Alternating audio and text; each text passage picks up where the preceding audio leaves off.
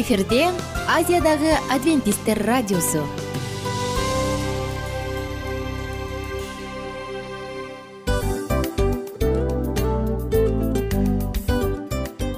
Достор салют. Баардык сүйүктүү угармандарыбызга салам айтабыз. Кутман күнүңүздөр менен. Ден соолук өмүрдүн булагы демекчи саламат саамы программасында баарыңыздарды көргөнүбүзгө абдан кубанычтабыз. Анда алгач амандашып өтөлү арбаңыздар деп. Ден соолугуңуздар кандай элибизде көбүнчө ден соолук кандай дегенде эле жакшы деп жооп беребиз э ооруп турсак дагы жакшы дейбиз. Анан мен муну айтып ойлойт элем бул абдан сонун сөз депчи анткени бул жакшы деген үмүт да э ооба баары жакшы болот баары сонун. Деп үмүттөнүп атып эле өзүбүздү өзүбүз дарылап коебуз.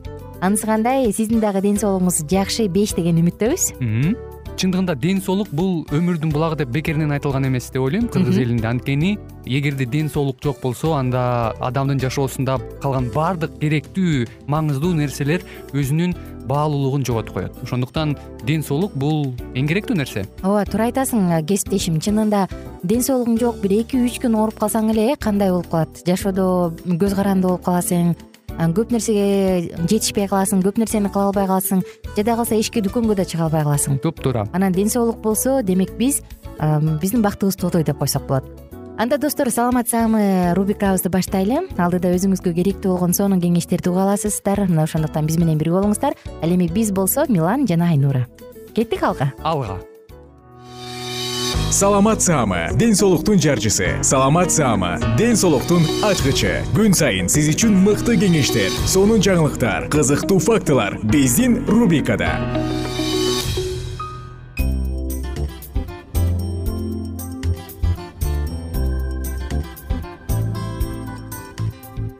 Салам достор кандайсыздар угармандар? Жалпыңыздар менен жагымдуу саатыбызды баштадык. Жана сиз тыңдап жаткан албетте саламат саама рубрикасы бүгүн сиздер менен бирге биз ичтен тазалануу деп аталган теманын үстүнөн сөз кылалы деп турабыз. Ички жан дүйнөбүздү эмес албетте денебизди денебизди ички жактан баягы же болбосо ооз аркылуу кантип тазалаш керек? Мына ушул жөнүндө сөз кылабыз. Угармандарыбыздын баардыгын биз менен бирге болууга чакырабыз. Анткени бул учур сиздер үчүн бул учур биздер үчүн бул учур эң сонун. Сиздер менен достор биз эске сала кетейин. Пайдалуу суусундуктар деп аталган чоң циклды баштаганбыз. Бул циклда пайдалуу смузилер сок ширелер тундурмалар бульондор баардык пайдалуулардын пайдалуусун сөз кылып жатабыз. Жана бир нече уктуруудан бери биз детоксикация бөлүмүн баштадык үчүнчү чоң бөлүмдү жана детоксикация деги эле токсиндер эмне кайдан келип чыгат алар менен байланышып таанышканбыз. Бүгүн болсо сиздер менен адам ички жактан кантип тазаланышы керек? Мына ушул жөнүндө сөз кылалы деп турабыз. Угармандар эмесе биз менен бирге болуңуздар. Детоксикация адам сырткы эле денесин жууп тазалап э, сыртыбыздан кам көрөт эмеспизби? Ал эле эмес биздин ички жан дүйнөбүздү дагы тазалоо абдан маанилүү. Мына ошондуктан бүгүнкү сиздер менен бирге сөз кыла турган маанилүү тема бул детоксикация. Организмди тазалоо. Бул организмдеги токсиндерди уулуу заттардын баардыгын сыртка чыгаруу. Мындай максатта биз көбүнчө сок ширелерди смузи бульон тундурмалардын баардыгын колдонобуз. Жана алар эркин радикалдарды организмден чыгарганга токсиндерди уулуу заттардын баардыгын тең организмден чыгарганга жардам берет.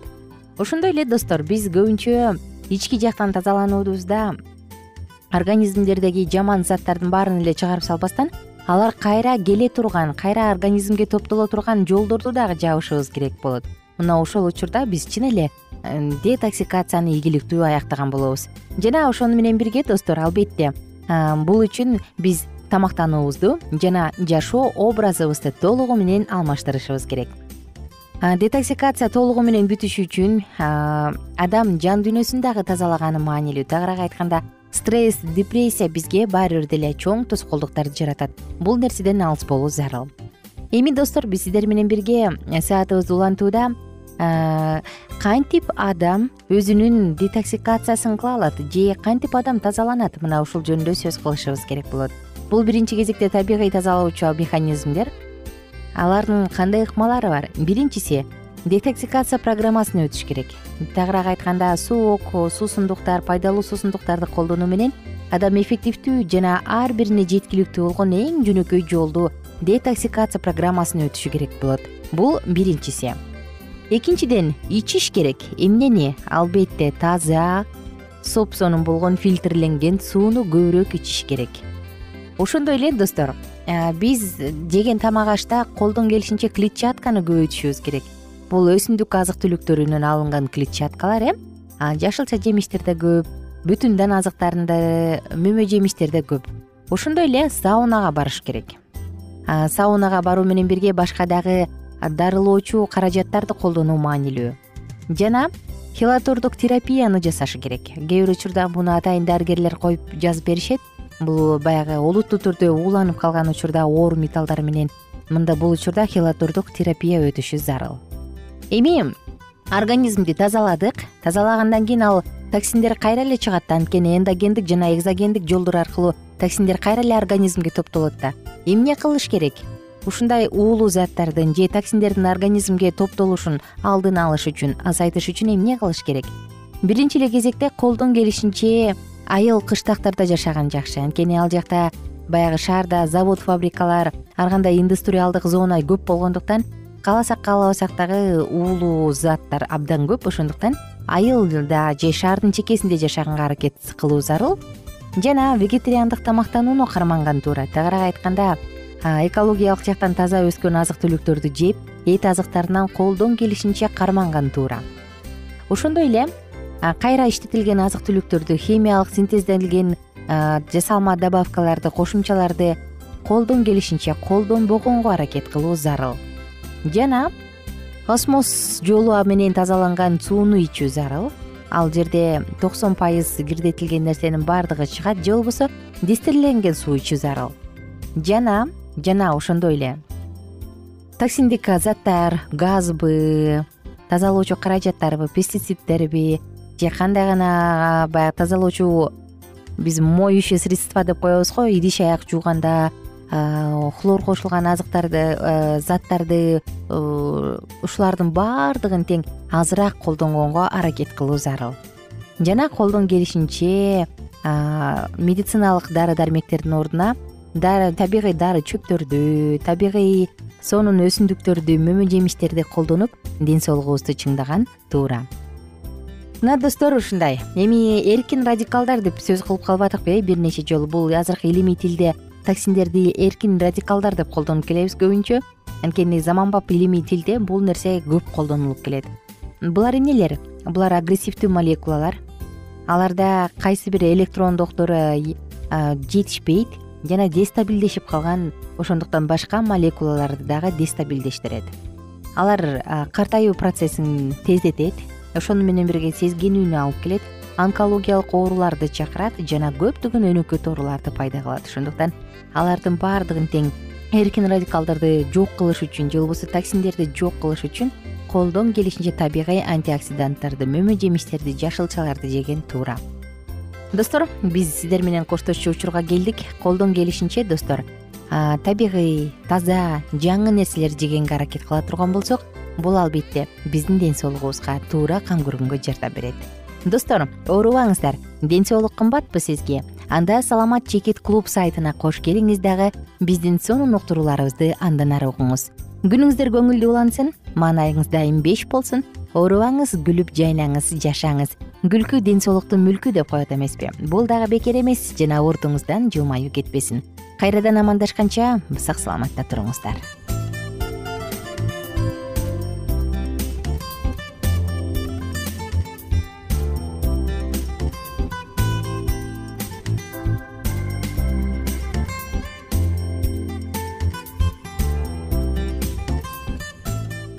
кененирээк маалыматтар үчүн үч w чекит саламат чекит клуб сайтына келип таанышыңыздар. Жана андан тышкары социалдык тармактарда youtube facebook жана instagram баракчаларына катталыңыз.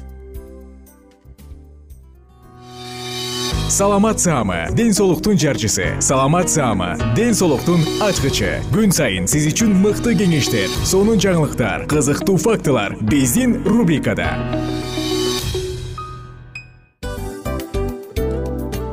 салам достор. Кайрадан биздин сүйүктүү рубрикабызга кош келиңиздер деп айтмакчыбыз.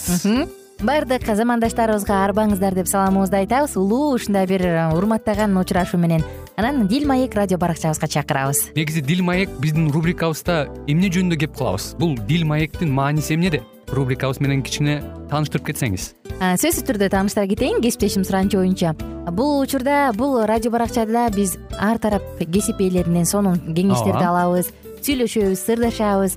Аталарыбыздын эжелерибиздин апаларыбыздын кеңештерин угабыз айтор. Жан дүйнөгө адамдын э, сапатына адамдын деги эле адам болуп жашашына керектүү баардык кеңештер алдыда. Негизи э, дил маек дегенде баягы эки адамдын ортосундагы сырдашуу кенен сүйлөшүү. Негизи эле биз адамдар бири бирибиз менен бир жерге жай жерге отуруп алып өзүнчө тынч э, жашоо жөнүндө өмүрүбүздө эмне болуп атканын бөлүшкөнү жакшы көрөбүз э адамдар. Ооба туура айтасың анан мындай учурга кээде убакыт да жетпей келет э? Же болбосо сырыңды кайгыңды муңуңду кубанычыңды айткың келет а адамга ишенбешиң мүмкүн. Ооба. А бул радио баракча угармандарыбыздын чыныгы досу анткени бизден алган кеңеш сиздин жашооңузга чоң жардам берет. Ал эми сиздин бизге айта турган сөзүңүз ортодо гана сыр бойдон калат. Ошондуктан биздин дил маек рубрикабызга дагы бир жолу кош келиңиздер. Жана биз даярдаган маалыматтарга даяр болуңуздар.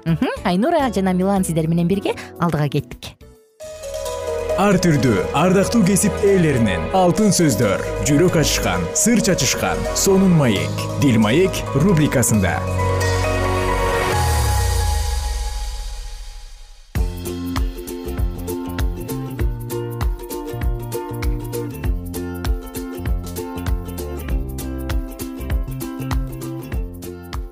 салам урматтуу мекендеш. Кадырлуу замандар жалпыңыздар менен кайрадан дил маек уктуруусундабыз. Жана бул уктурууда махабат күнөө болушу мүмкүнбү деген циклды баштап улантып жатканбыз. Мурунку окуубузда биз хадсон тейлор кытайда миссионер болуп иштегенде бир досуна кат жазган деп токтогонбуз. Бүгүн ошол кат эмне жөнүндө болгон? Анда андан ары уланталы хадсон тейлордун каты. Менин оюмча менин алдымда таң кулак өөк сала баштады окшойт мен ошол аткан таңды калтырап титиреп ошол эле учурда ишеним артуу менен тосуп алам.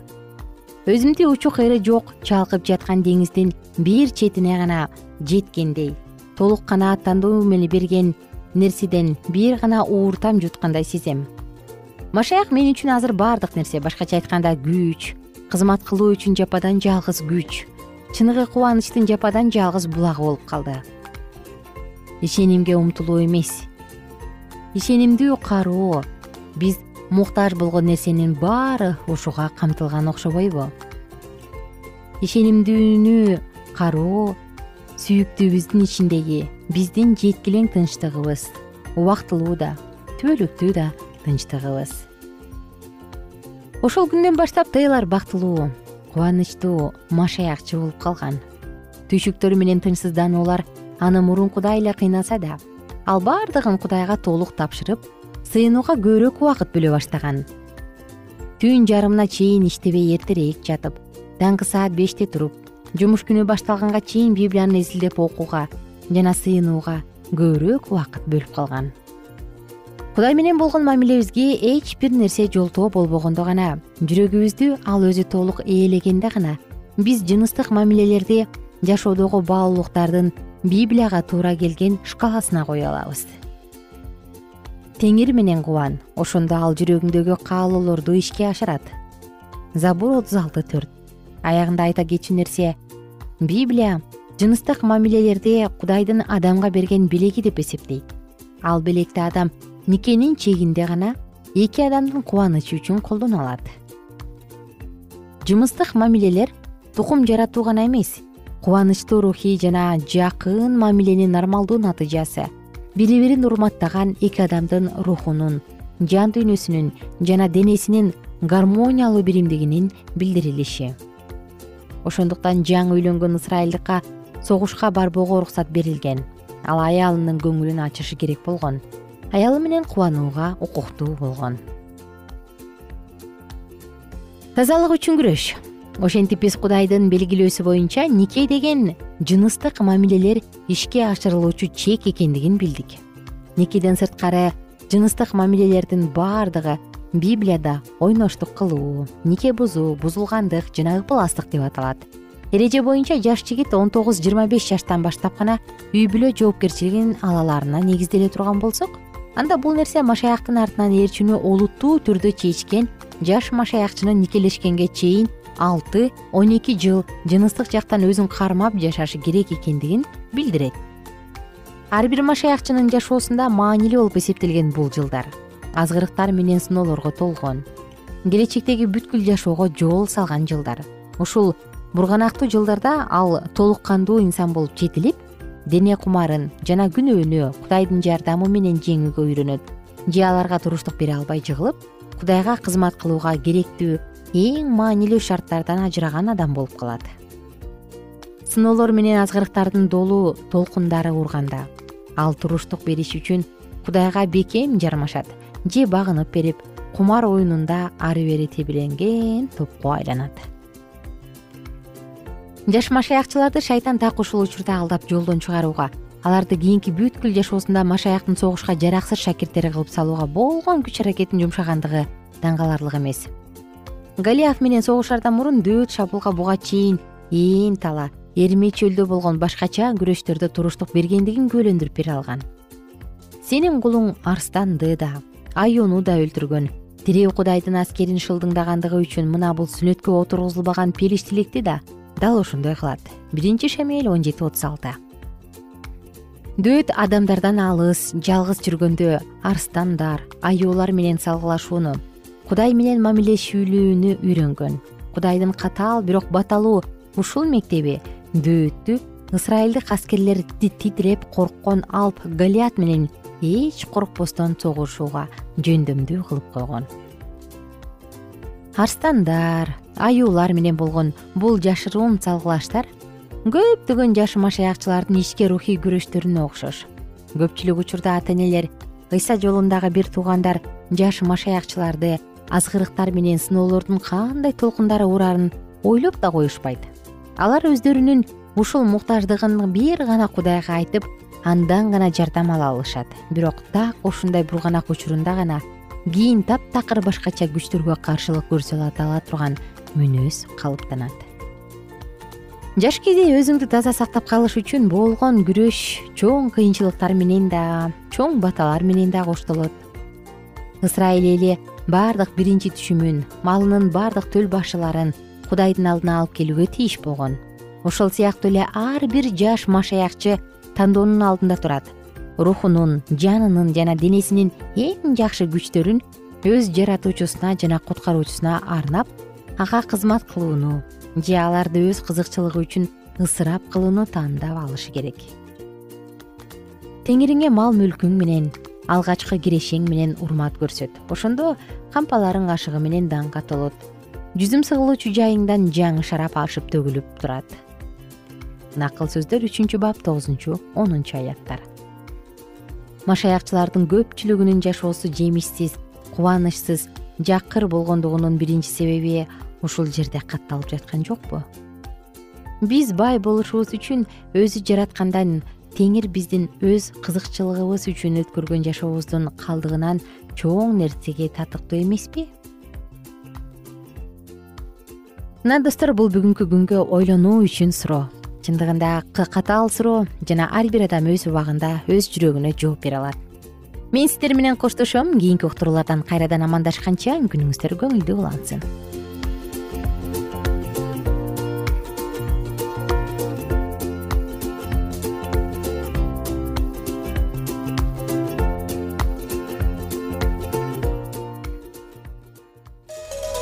ар түрдүү ардактуу кесип ээлеринен. Алтын сөздөр жүрөк ачышкан сыр чачышкан сонун маек. Дил маек рубрикасында.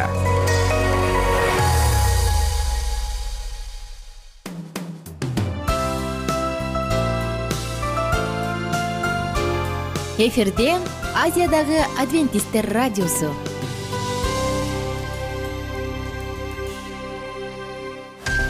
жан дүйнөңдү байыткан жүрөгүңдү азыктанткан жашооңо маңыз тартуулаган жан азык рубрикасы.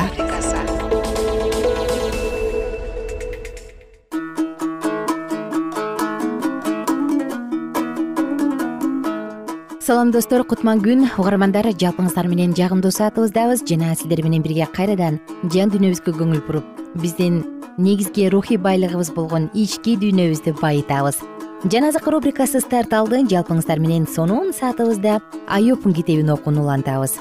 Жана достор албетте биз сиздер менен соңку бөлүмдө соңку уктуруубузда биз кудайдын аюпка берген жообу жөнүндө окуп атканбыз э? Бүгүн ошол кудайдын аюпка пайгамбарга берген жообун андан ары улантабыз.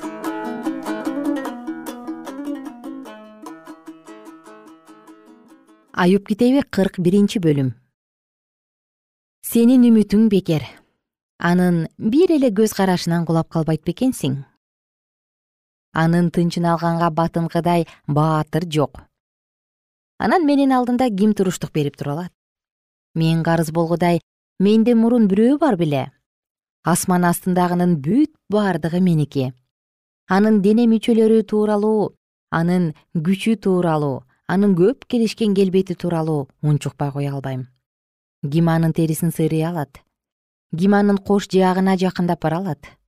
Ким оозун ача алат анын тегерете тигилген тиштери үрөйдү учурат. Анын сыймыгы катуу кабырчыгы. Алар бири бирине бекем жабыштырылган. Алар бири бирине тийип турат арасынан аба да өтпөйт. Бири бирине тыгыз жатат бири бирине жармашып турат ажырабайт анын чүчкүрүгүнөн жарык көрүнөт. Анын көздөрү таңдын кирпиктериндей анын оозунан жалын чыгып от учкундары чачырайт. Кайнап жаткан казандан түтүн чыккансып анын таноолорунан түтүн чыгат. Анын деми көмүрдү күйгүзүп кетет. Анын оозунан жалын чыгат. Анын мойнунда күч жатат. Анын алдында коркунуч качат. Анын денесинин эт бөлүктөрү өз ара бекем бириккен козголбойт. Анын жүрөгү таштай катуу тегирмендин астыңкы ташындай катуу ал ордунан турганда балбандарды коркунуч басып үрөйлөрү учкандыктан өздөрүн таптакыр жоготуп коюшат. Ага тийген кылыч да найза да деге да соот да туруштук бере албайт. Темирди ал самын катары жезди чириген дарак катары эсептейт. Жаа кызы аны качыра албайт салмоор таштары ал үчүн топондой. Чокморду ал бир таал самандай көрөт дегенин ышкырып учканына анын күлкүсү келет. Анын астында курч таштар жатат ал баткактагы учуу таштардын үстүндө жатат. Ал иримди казандай боркулдатып деңизди майдай кайнатат. Артына жарык чачкан жол калтырат ошондо түпсүздүк агарып калгандай көрүнөт. Жер үстүндө ага эч нерсе тең келе албайт ал коркпос болуп жаратылган. Бийик тургандардын баарына тайманбай карайт ал бардык текебер уулдарынын падышасы аюп китеби кырк экинчи бөлүм. Соңку бөлүм. Ошондо аюп теңирге мындай деп жооп берди. Сенин баарын жасай аларыңды. Сенин ниетиңди эч ким токтото албастыгын билем. Сен эч нерсени түшүнбөй туруп кудайдын чечимин караңгылаткан бул ким? деп айттың. Ошондуктан мен өзүм түшүнбөгөн нерселер жөнүндө өзүм билбеген кереметтүү иштер жөнүндө айткам. Ук мен сүйлөйүн мен сенден сурайын. Сен болсо мага түшүндүрүп бер дегем. Мен сен жөнүндө ушуга чейин кулагым менен уккам азыр болсо сени өз көзүм менен көрүп турам. Ошондуктан мен мурунку айткан сөздөрүмдөн баш тартам. Топурак менен гүлгө отуруп алып өкүнөм. Теңир аюпка ушул сөздөрдү айткандан кийин тыймандык элипазга теңир мындай деди. Силер мен жөнүндө менин кулум аюптай туура сүйлөбөгөнүңөр үчүн сага жана сенин эки досуңа менин карым кайнап турат. Ошондуктан жети букачар жети кочкор алып менин кулум айыпка барып өзүңөр үчүн курмандык чалгыла. Ошондо менин кулум айып силер үчүн сыйынат. Силер мен жөнүндө менин кулум аюптай туура айткан жоксуңар. Ошондуктан силерди жазалабашым үчүн мен аюпту гана кабыл алам. Ошондо тыймандык элипас шухтук билдат наамалык супар барып кудай кандай буйруса ошондой кылышты. Ошондо теңир айыпту кабыл алды. Айып өз достору үчүн кудайга сыйынгандан кийин теңир айыптын жогорутууларын кайра берди. Теңир айыпка мурункусунан эки эсе көп берди. Ошондо ага агай инелери эже карындаштары мурунку тааныштары келишти. Анын үйүндө аны менен бирге ичип жеп кайгы капасын бөлүшүп сооротушту анткени теңир анын башына көп азап салган эле ар бири ага бирден кесита бирден алтын шакек берди. Теңир айыптын мурунку күндөрүнө караганда акыркы күндөрүнө аябай батасын берди. Ал он төрт миң майда малдуу алты миң төөлү бир миң жуп өгүздүү бир миң ургачы эшектүү болду. Ал жети уулду үч кыздуу болду. Биринчи кызына эмима экинчисине кетсия үчүнчүсүнө керенапух деген ат койду. Бүт жер жүзүндө аюптун кыздарындай сулуу аялдар жок. Атасы аларга бир туугандары менен кошо мурас бөлүп берди. Ошондон кийин айып дагы жүз кырк жыл жашады. Уулдарын жана уулдарынын уулдарын төртүнчү тукумуна чейин көрдү. Ошентип аюп картайып өмүргө тоюп көз жумду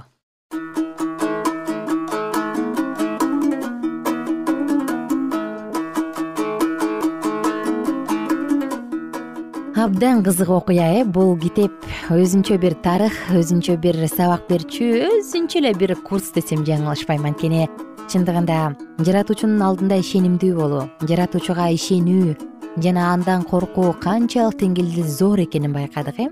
Кудайдын батасы байытат деп коет. Кудай аюптун сыналышына жол берди бирок аягында эки эсе батасын берди достор биз дагы жашообузда кандай кыйынчылык өтсө мүмкүн анын артында сөзсүз түрдө бизге келчү жеңиш тургандыр келиңиздер бул нерседен үмүттөнөлү жакшылыкка үмүттөнүп жакшылыктан таяналы. Жана сиздер менен коштошуп жатып эмне дейбиз? Кудай ишенимдүү ал өз сөзүнө турат. Кудай сизди сүйөт. Кудай сизге эң жакшысын каалайт сиздер менен коштошом достор. Кийинки уктуруубузда кайрадан амандашабыз. Жана кийинки уктурууда биз жаңы циклды жаңы теманы баштайбыз. Ошондуктан достор кийинки тема дагы сиздерге жагат деп ишенем. Кийинки уктурууда кайсы теманы баштайт экенимизди айтам. Анда достор баарыңыздарга көңүлдүү күн. Бай болуңуздар бар болуңуздар баталуу болуңуздар жана көп жашаңыздар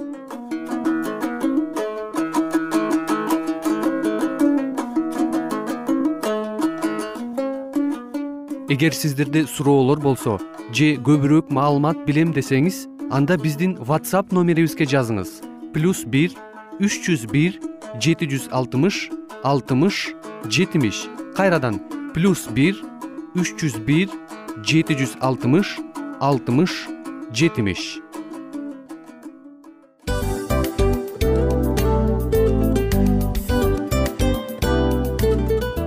ушул менен достор программабыздын уктуруубуздун эң кайгылуу мөөнөтүнө келип жеттик. Кайгылуу дегенде ыйлагым келип кетти кесиптеш. Кадимкидей. Анткени баягы учурашасың анан коштошуу учур келгенде ии кантип ии эми эми бат баттан келиптир э сагындырбай деп атып араң коштошобуз го анысы кандай угармандарыбыз менен коштошчу учур келди кийинки уктурууларды сагыныч менен жүрөгүбүздө кусалык менен күтөбүз жалпыңыздарды анан жарым сааттык уктуруу көз ачып жумганча өтүп кетти. Сөзсүз бирок бизде жакшы кабар бар. Кийинки уктурууларыбызда сөзсүз дагы кезигишебиз. Анткени биз көптөгөн сюрприздерди кызыктуу маалыматтарды жана керектүү керектүү нерселердин көбүнчөсүн даярдадык анда угармандарыбыздын баардыгына ийгиликтүү күн каалайбыз эгерде бүгүнкү күнүңүз өзгөчө э, өтүшүн кааласаңыз анда позитивдүү ой жүгүртүп жылмайып жакындарыңызга жакшы маанай тартуулап жүрө бериңиз. Анткени сөзсүз түрдө мунун арты кайтат э? Сөзсүз. Баягы ден соолугуң оңолот ал бул деп көп нерсени санап келебиз. Эң негизгиси бул сиздин жашооңузду жаркын кыла түшөт экен. Жараткан кудай ар бирөөңүздөргө батасын берсин жашооңуз ийгиликтүү болсун сак саламатта калыңыздар деп мен милан жана кесиптешим айнура. Баардыгыңыздар менен кийинки уктурууда үн алышканча баарыңыздарга ийгилик каалайбыз